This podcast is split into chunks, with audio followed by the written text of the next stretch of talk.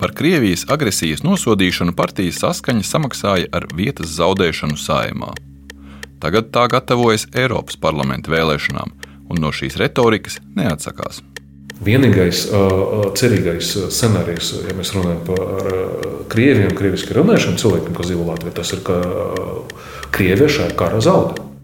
Lai noturētu politisko ietekmi, no saskaņas aizgājušie politiķi Rēzeknē un Daugopilī cenšas spēlēt uz krievisko vērtību saglabāšanu. Manuprāt, no Elksniņa puses tas ir tīrais aprēķins. Saskaņai un reizeknē topošajai partijai kopā Latvijai nopietnākais konkurents ir saimā iekļūsī partijas stabilitātei ar līderi Aleksēju Rosļikovu. Viņa mīnus ir pieredzējuši biedru trūkums. Tu, ko viņš stāsta, es jūtu, ka tas ir vairāk nu, tik to, ka vienas minūtes mesišs Vai kādreiz tik varenās partijas saskaņa laiks ir pagājis? Un vai krieviski runājošo pilsoņu balsis turpmāk iegūs tie politiķi, kuri līdz galam nenosoda Krievijas iebrukumu Ukrajinā? To atvērto failu pusstundā pētīšu es, Andrejs Vasks. Pirmā daļa. Es viņu mīlu, bet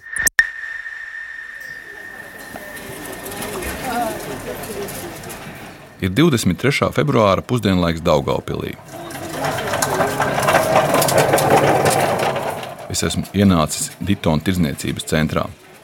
Tas ir kā tirgus, kur zem milzīga angāra jumta ir izvietotas desmitiem norobežotas tirdzniecības vietas. Patukšajā centrā visapkārt skan tikai krievu valoda.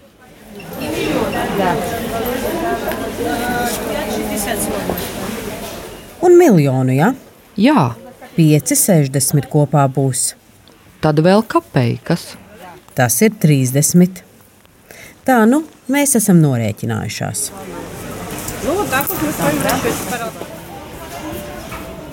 Vienā stūrī, kur garām plūst lielākas gājēju masas, atrodas periodikas stends. Visi izdevumi ir krievu valodā, tostarp vietējā Daugopils avīze Miljonu. Labdien! Labdien. Tā būs arī miljoni. Jā. Gan drīz 30 lapušu biezais iknedēļas laikraksts Miljons pieder Daugopils domas deputātam Pēterim Zalbem. Viņš ir no opozīcijā esošās Daugopils novada partijas. Tā man to miljonu. Labi, 60 būs. No lielā tirdzniecības centra var tieši nonākt blakus esošajā ārā tirgū.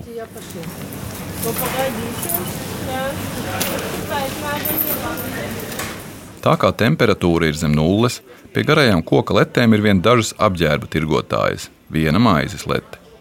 Kāds vīrietis tirgo toaletes papīru un dvieļus. Arī šeit pircēju ir maz. Sastopu 82 gadus vecu kundzi, kas tikko nopirkusi salvetes. Gribēju pajautāt, kā novērtēt elksniņu? Nu, ja nezinu, ja elksniņu ļubļu, nu... Elksniņu? Nezinu. Es viņu mīlu, bet... Bet partijas saskaņa? Partijas saskaņa. Es biju par partiju saskaņu. Tagad jau vairāk nekādas saskaņas nav. Neviens no uzrunātajiem daugopiliešiem, kad jautāja par to, ka saskaņa pilsētā vairs nav pie varas, nevēlas nosaukt savu vārdu. Cilvēki runā nelabprāt из-за Elksniņša или из-за согласия. Jūs esat par elksniņu vai saskaņu? Mēs vairs negribam elksniņu. Nē, Viņi visi ir labi, kad guļ. tikai apsola, ka viss būs, bet neko nedara. Только обещает много и ничего не делает. Es vēlos noskaidrot, cik svarīgi Krievu tautības cilvēkiem Daugopilī ir tas, ka pilsētas mērs Andrēs Elksniņš un atsevišķi vietējie politiķi nav asi nosodījuši Krievijas iebrukumu Ukrajinā. Es abām pārdevējām atgādinu, ka saskaņas līderi Rīgā to izdarīja jau pirmajā kara dienā. Важный, важный вопрос. Не обсуждают, не обсуждают. Neapspriež, te nedrīkst skaļi neko runāt. Kāpēc? Nu, tāpēc pats ziniet, kāda situācija Latvijā. Visi baidās. Сами знаете, какое положение в Латвии. nākamais jautājums. Pēcpusdienā Daugopils valsts pilsētas domē ir kārtējā sēde. To vada Aleksis Vasiljevs no Latvijas Krievijas Savienības. Jo domas priekšsēdētājs Andrēs Elksniņš ir prombūtnē. Ir jautājumi, debats, priekšlikumi. Lai gan ap 80% Daugopils iedzīvotāji ir nelatvieši, krievalodīgo partijām saskaņai vai Krievu savienībai šeit pēdējos 20 gadus nav izdevies iegūt noteicošu vairākumu. Politiķiem ir vienmēr nācies meklēt koalīcijas partnerus. Tikai aizpagājušā gada vēlēšanās saskaņai ar Andreju Elksniņu priekšgalā beidzot izdevās iegūt 7 vietas no 15. No Latvijas Krievu Savienības saraksta ievēlētā Alekseja Vasiljova piesaistīšana ļāva Elksniņam kļūt par domas priekšsēdētāju. Vasiljovs iegūst zelta balsi koalīcijā un vicemēra amatu. Es uzrunāju Alekseju Vasiljevu intervijai. Es dzīvoju Daugopilī un zinu cilvēkus, ar ko es nu, vis, vismaz mm, turpināšu strādāt vai plānošu strādāt. Man šķiet, ka šeit ir vairāk nepieciešams domāt par tiem cilvēkiem, nevis par partijām, ar ko es strādāšu. Vasiljeva dzīvē Daugopils deputātu atšķelšanās no saskaņas pat labam neko nemaina. Arī Elksniņa pretrunīgi vērtētā attieksme pret Krievijas iebrukumu Ukrainā Vasiljevam ir paprātam. Es nedomāju, ka Daugopils iedzīvotājiem, runājot par vietējiem vēlēšanām, svarīgi vai kāds nosodīs, vai kāds nenosodīs ārpolitikas jautājumus. Latvijas Krievu Savienība, līdzīgi kā Elksniņš, arī nav asi nosodījusi Kremļa rīcību. Partija tikai publiski uzstāja, ka karš tas ir slikti un militārais konflikts par katru cenu jāaptur. Turpina Vasiljovs.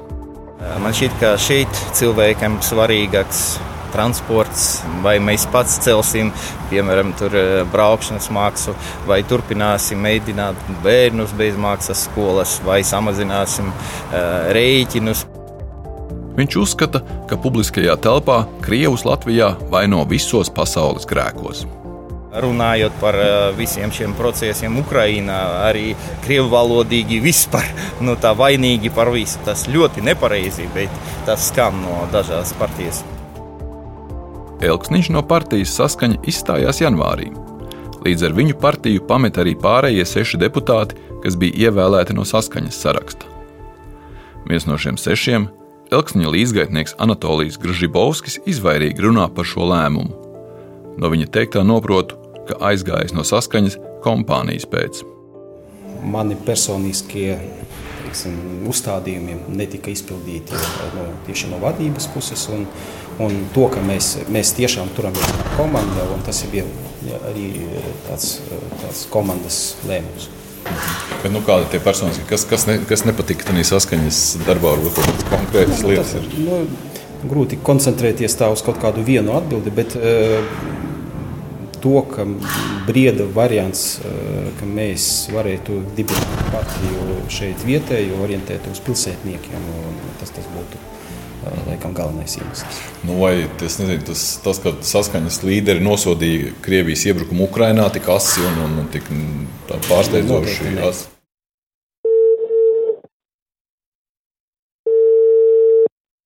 Andrejs Elksniņš man telefona sarunā apsola sniegt interviju. Tomēr norunātajā laikā viņš uz manu zvanu vairs neatbild. Pērn novembrī Elksniņu intervēja portāla Delfi žurnāliste Olga Dragiļeva. Politiķi izteikumu par Krimu izsauca sašutumu latviešu un ukraiņu sabiedrībām. Krima ir Krievijas federācijas sastāvā. Un tā tika likumīgi iekļauta. Es domāju, ka par to diskutēt varētu pēc dziļākas analīzes. Vēlāk Elksniņš medijos taisnojās, ka viņam kā pašvaldības vadītājam ir saistoša valsts ārpolitika, un juridiski Krima ir Ukrainas teritorija. Elksniņa izteikumi par Ukrainu un viņa aiziešana no saskaņas nav sakritība. Tā uzskata Daugopils domas opozīcijā esošās mūsu partijas deputāts, bijušais Daugopils domas priekšsēdētājs Igors Prelātovs. Spriežot pēc noskaņojuma un komentāriem pirms pašvaldības vēlēšanām, pirms saimnes vēlēšanām, bija aizsams, ka vairāki iedzīvotāji jau teica, ka būtu labi, ja, piemēram, domas priekšsēdētājs patreizējais Andrejs Elksniņš veidotu savu partiju un aizietu no saskaņas. Jo no daudziem iedzīvotājiem mēs pat dzirdēju, ka viņi tagad pašlaik neusticas saskaņas partijai un saskaņas partijas līderiem. Tāpēc tā ir kara, kara jautājumi. Jā. Jā. To, ka Elksniņš vadās pēc Krievu vēlētāju noskaņojuma pilsētā, saka arī bijušais pilsētas vicemērs Pēteris Zalbe. Viņš ir no Daugopils novada partijas. Manuprāt, no Elksniņa puses tas ir tīrais aprēķins. Jo šobrīd, eh, tad, kad saskaņa zaudēja savam elektorātam noteiktos solījumus un pamainīja virzienus uz LGBT atbalstīšanu, un varbūt ne vairāk ģimenes vērtību atbalstīšanu, bet tiešām kaut kādas eiropeiskas vērtības sāk atbalstīt, tad sākās tā primārā varbūt sašķelšanās pašā saskaņā un vērtējot Daugopils izstāšanos no saskaņas. Tas ir tāds kā aiziešana no atbildības. Zalbi ir pārliecināts, ka saskaņa Daugopilī zaudēja vēlēšanās sacensībā ar partiju stabilitātei, kas iekļuva saimā. Saskaņa nepietiekami aizstāvēja savu vēlētāju un nebija gana krieviska. Ja skatās no reģionālā viedokļa un no tā, kāpēc tieši saskaņa zaudēja reģionā Roslikavam un stabilitātei, tā bija tā nostāja par krievalodīgajiem, jo neiestājās par krievalodīgu aizsardzību nevis kara kontekstā, Ja, bet tieši kā krievalodīgo aizsardzība, kā krievalodīgo uzrunāšana viņu dzimtajā valodā un komunicēšana un turpināšana viņus apkalpot viņu dzimtajā valodā. Otra daļa - Reizeknē valoda privatizēta.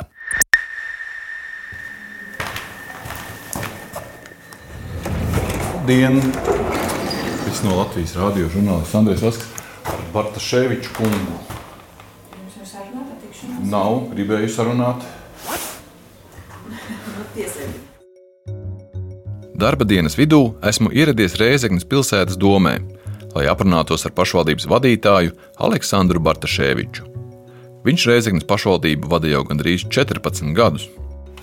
Labdien, Bartaševičs kungs! Labdien! 90. un 2000. gadu sākumā Bartaševičs bija saimnes deputāts no Latvijas Socialistiskās partijas, Tautas saskaņas partijas un PCTVL. Pēdējos 14 gadus viņš ir aizvadījis saskaņas rindās. Nu, tas uh, svarīgākais bija, uh, protams, pārdomam viela vēlēšanu rezultāti, kas parādīja, ka saskaņa aizgāja nedaudz cita virzienā, un cita virzienā aizgāja mūsu vēlētais. Janvārī, īsi pirms saskaņas kongresa, Bartaševičam bija konflikts ar partijas vadību. Viņš, kā arī citi delegāti no Rēzeknes, uz kongresu Rīgā neaizbrauca. Partijas valde nolēma politiķi no savām rindām izslēgt. Tad uh, bija piedāvājums uh, nu, pēc vēlēšanām, faktiski no manas puses, uh, sākt diskusiju partijā, kāpēc tas tā noticis. Publiski ir izskanējis, ka strīdus iemesls bija saskaņas attieksme pret Krievijas iebrukumu Ukrajinā. Mans viedoklis, ka nu, diezgan lielu daļu no vainas vajadzēja uzņemties partijas vadībai, kam partijas vadībā arī nepiekrīta. Un, attiecīgi, nu, tādas, tāda šķiršana notika, ja tā īsi. Bartaševičs saskaņas valdes sēdē pirms kongresa teicis, ka karš Ukrainā jāsauc par konfliktu, Latvijai būtu jābūt neitrālai valstī un jāprasa drošības garantijas no kaimiņiem. Pārmetumus, ka viņam ir prokremliska nostāja, viņš uzskata par melīgiem. Bartaševičs stāsta, ka bijušie partijas biedri izmantojuši iespēju, lai no viņa atbrīvotos. Krievija pieļāva agresiju pret Ukrajinu, ka tas karš ir netaisnīgs, ka Ukraiņai vajag palīdzēt, un, un tur nu, nekādu strīdu šajā sakarā nav. Vienkārši nu, mēģināja cilvēki mainīt vai spēlēt ar, ar vārdiem, ja, jo es uzskatīju, ka jā, nu, šo jautājumu arī jādiskutē. Jā, nu, nevis vienkārši nu, tu, tu vairāki pieņem, varbūt izteikti, lai nonāktu līdz tam, tam pareizam lēmumam rezultātam. Jā. Bet uh, pamatā uh, tā attieksme, manā attieksme neatšķiras no uh, vairākuma Latvijas sabiedrību uh, viedokļa.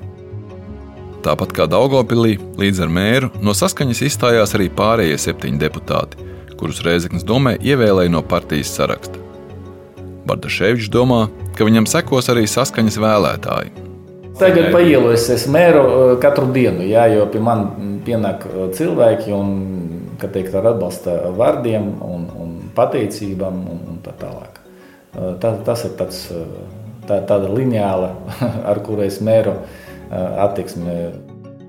Par saskaņu un par Tašēviču pēdējās divās pašvaldību vēlēšanās nobalsoja vairāk nekā 60% iedzīvotāju. Labdien, cienījami kolēģi, labdien, klātesošie. Es informēju, ka 2023. gada 10. februārī tika saņemts piecu domas deputātu pieprasījums, kuru viņi pieprasa Rezeknas valsts pilsētas priekš, eh, pašvaldības domas priekšsēdētāja Aleksandra Bartaševiča atbrīvošanu no amata. 23. februāra pēcpusdienā Reizeknas pilsētas domē starp ikdienā lemjamiem jautājumiem bija arī opozīcijas deputātu sagatavots demisijas pieprasījums. Viņuprāt, Bartaševičs ceļ vietējo sabiedrību un rada plaisu starp Reizekni un pārējo Latviju. Turpina deputāts no progresīvajiem Jānis Zeltiņš. Man uztrauc reizes mērs no malas izskatās kā pretvalstisks darbonis, ar kuru vairākas reizes tiekās valsts drošības dienests, un uh, tie rezultāti nav zināmi nu, lielākajai sabiedrības daļai, kurš runā tikai par vienas tautības kopienas tiesībām, nevis pienākumiem. Apvērsumu mēģinājums gan izgāzās. Protokols ir gatavs un ir jau zināmi rezultāti. Tātad pret Rezeknas valsts pilsētas domas pašvaldības domas priekšsēdētāja Aleksandra Bartaševiča atbrīvošanu nobalsoja astoņi deputāti. Un pamatojoties uz balsošanas rezultātiem, lēmums nav pieņemts. Jānis Zeltiņš ir viens no pieciem opozīcijas deputātiem Reizeknas domē. Pārējie četri ir no piecu partiju apvienotā saraksta. Tajā ietilpa Nacionālā apvienība, Jaunā vienotība, Zaļā partija, Reģiona apvienība un Latvijas partija. Viena no domniecēm, kas pārstāv apvienoto sarakstu, ir Ināra Groce. Es viņai jautāju par to, kā notiek rēzeknes pārvaldīšana. Šī sajūta, ka īstenībā vara pieder ne jau saskaņā, bet konkrēti vienam cilvēkam.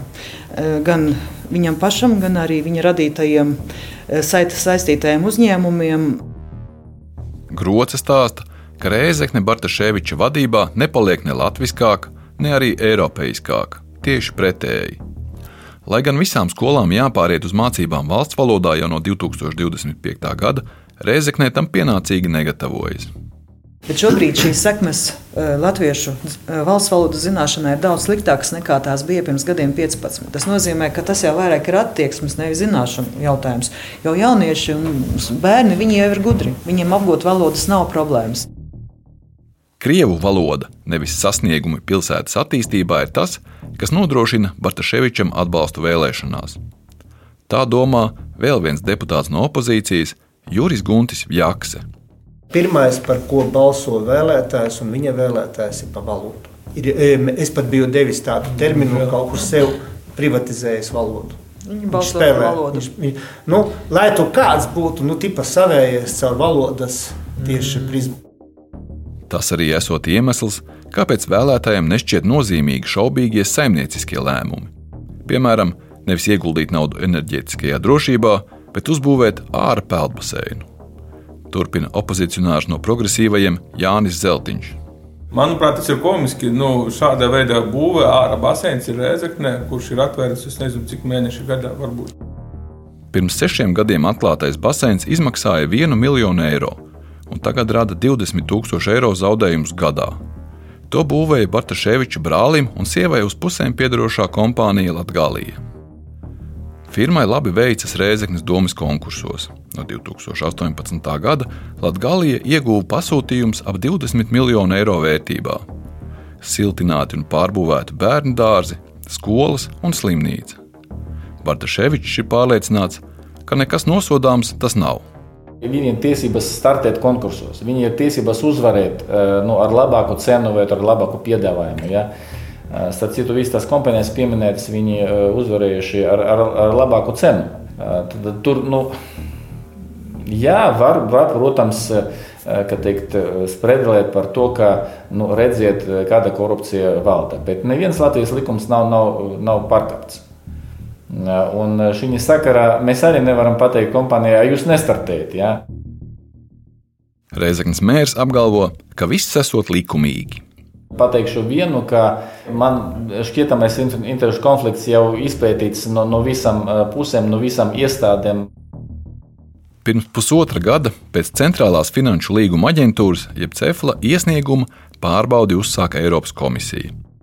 Šī iemesla dēļ pašvaldība nevar saņemt Eiropas naudu vairākos projektos, kuros piedalās Bartaševiča ģimenes uzņēmums.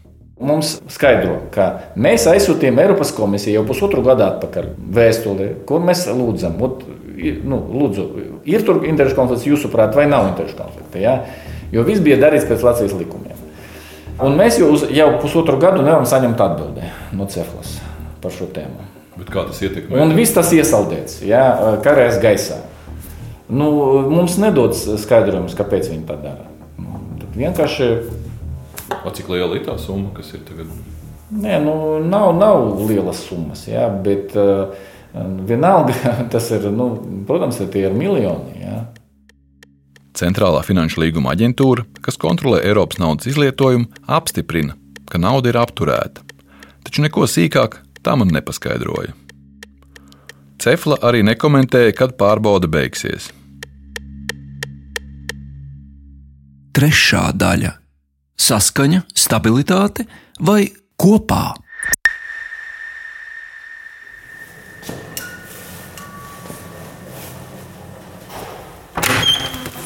Labdien! Ar vienu no trījiem saskaņas partijas līderiem, Eiropas parlamenta deputātu Nilu Ušakovu, tiekos partijas birojā Rīgā Stābu ielā. Nevajag uztraukties, viss kārtībā. Kad es dodos iekšā, Ušakovs pēc tikšanās atvadās no pāris Rīgas domas deputātiem. Jā, Saskaņas Rīgas domnieki tagad ir stabilākais balsts kādreiz šķietami nesatricināmajai partijai, kas zaudējusi saimnes vēlēšanās un nu piedzīvo arī līderu aiziešanu Latvijā. Tas, kas ir noticis, ir smagi. Manuprāt, tā ir bijusi neizbēgama cena. Tad nu, citādāk nevarēja būt. Nu, nu, par ko mēs runājam? Nu, kā mēs varam iedomāties, ka šajos apstākļos ar mūsu pozīciju, ka tas viss aizies no glūda Latvijā vai glūdi aizies Rīgā, nu, tas nebija no paša sākuma iespējams. Ar to vajadzēja rēķināties. Bet nē, mēs strādāsim, teikšu, jums ļoti aktīvi.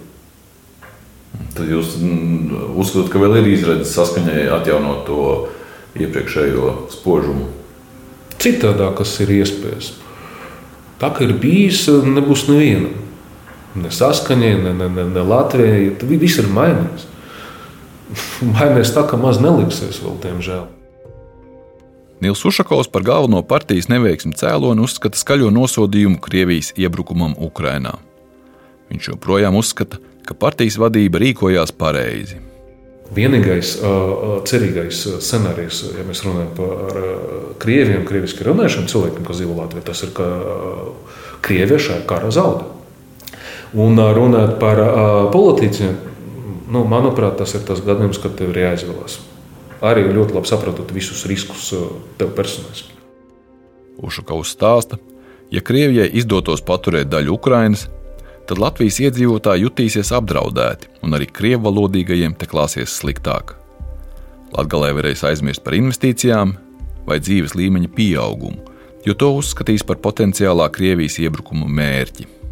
Es pieņemu, ka zināmā mērā man būtu drošāk ieņemt kaut kādu не все так однозначно pozīciju, ap to galvenais spēlētājs no elektorāla viedokļa Es domāju, tas būtu bijis nesalīdzināmi drošāks vai kaut kāds tā, nu, piesardzīgāks variants. Bet tā nedrīkst darīt. Tad viņš tev ir jāizvēlas dažreiz pozīcijā, kur tevi tavi atbalstītāji neatbalsta. Un tu centies izstāstīt, ka nē, šīs variants ir pareizais. Un pat jūs nepiekrītat, tik un tā viņš ir pareizāks nākotnē. Pēc Ušakova domām no partijas izslēgto Aleksandru Bartaševiču un no saskaņas aizgājušo Andreju Elksniņu vienā maisā nevarot bāzt. Aleksandrs Bartaševičs visu to, ko viņš ir darījis un pasniedzis un runājis par ģeopolitiskām lietām, viņš ir pasniedzis tā, ka nu, tas ir nu, vainagojums ilgiem gadiem. Savukārt, ja mēs to, ko es redzu attiecībā pret Andrēnu, nu, viņam ir bijusi īpaši veiksmīga viena intervija. Nu, tā pēc būtības tā ir atšķirība. liela diezgan. Partija saskaņa savu lielo vietu skaitu parlamentā līdz šim vienmēr ieguva pateicoties Rīgai, Rēzeknei un Daugopilī. Abu Latvijas pilsētu līderu zaudēšana ir skarbs trieciens partijai, it īpaši pirms nākamā gada Eiroparlamenta vēlēšanām. Vispār 24. gada vēlēšanas būs īpašas, manuprāt. Viņas būs krietni uh, atšķirīgas uh, salīdzinot ar jebkuru citu Eiropas parlamentu ciklu, tāpēc ka tas nebūs tikai par Eiropas parlamentu. Tas būs pat pēc visa šī, kas ir noticis. Visi gribēs parādīt un saprast, kur viņi atrodas. Pēc sava starta Eiropas parlamenta vēlēšanās un to rezultātiem Ušakovs arī izvērtēs, vai piedalīsies pašvaldību vēlēšanās. Tās savukārt notiks 2025. gadā. Jāsaka, ir vairāki jautājumi, domājot par saskaņas nākotni. Jo, protams, ka tā partija ir ar ļoti nu, jāsaka, ilgām un tādām stabilām tradīcijām. Tāpēc no vienas puses ir skaidrs, ka viņi noteikti nav. Nu, mēs nevaram tik ļoti prognozēt, ka viņi noteikti izjūgs, kā piemēram skatoties uz kādām citām jaunākām, tādiem īslaicīgiem politiskiem veidojumiem. Vēl nesteigties ar saskaņas norakstīšanu iesaka politoloģi Rīgas Stradiņa Universitātes politikas zinātnes katedras docētāja Lelde Metla Rozentāle. Iespējams, tagad Ušakovs kungam atgriežoties, kādam jau ir piemirsies, kāpēc viņš vispār kaut kur devās projām un kāda bija tā situācija Rīgas domē pirms ārkārtas vēlēšanām. Ja klajā atkal nāk kādi jauni skandāli, mm, kas atgādina to, tad varbūt nu, tur ir uzreiz grūtāk uh, turpināt šo gaišā līdera teiksim, tēla atjaunošanu.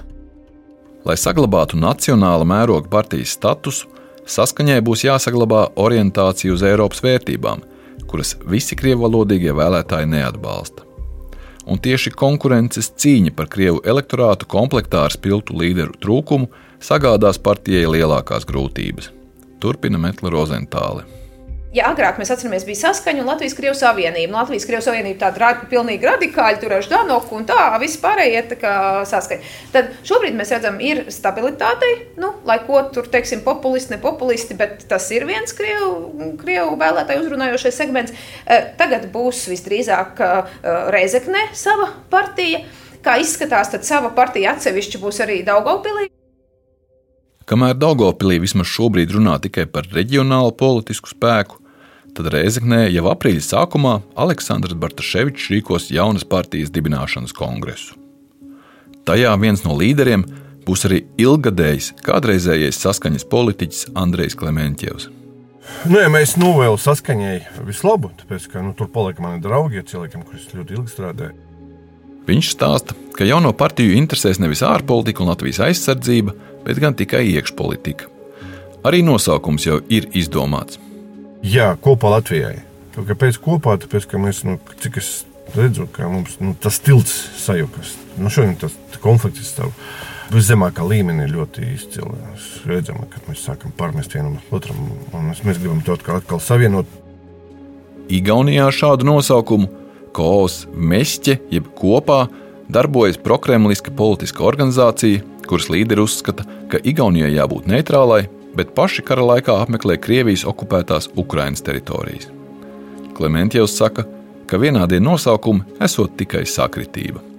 Tāds, ka, ka mēs sākam e, veidot, mēs gribam, lai tas sauklis vai nosaukums būtu ļoti pozitīvs. Nu, pieņemsim uz kaut kādu konsolidāciju. Konsolidācija tas ļoti sarežģīti. Mēs vispār neskatījāmies nekādas paralēlas. Jaunā partija mēģinās pārņemt saskaņas vēlētājus.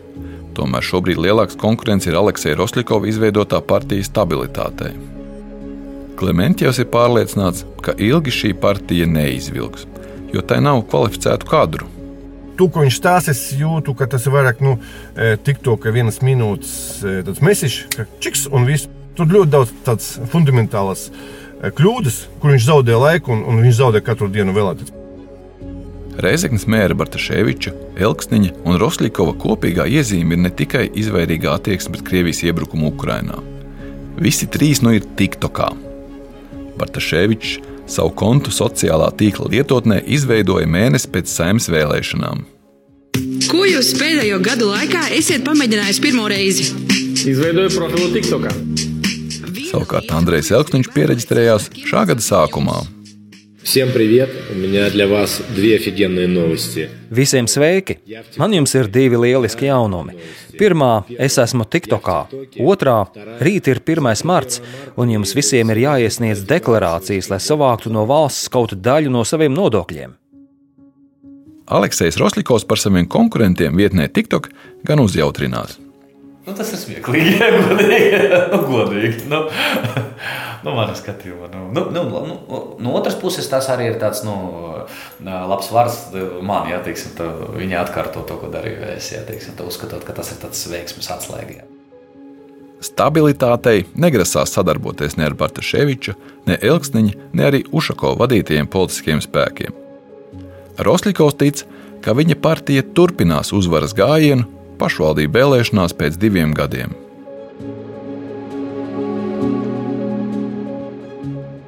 Raidījumu veidoja Andrejs Vasks, Ģedards Dželzis un Reinis Budze. Atvērtie faili!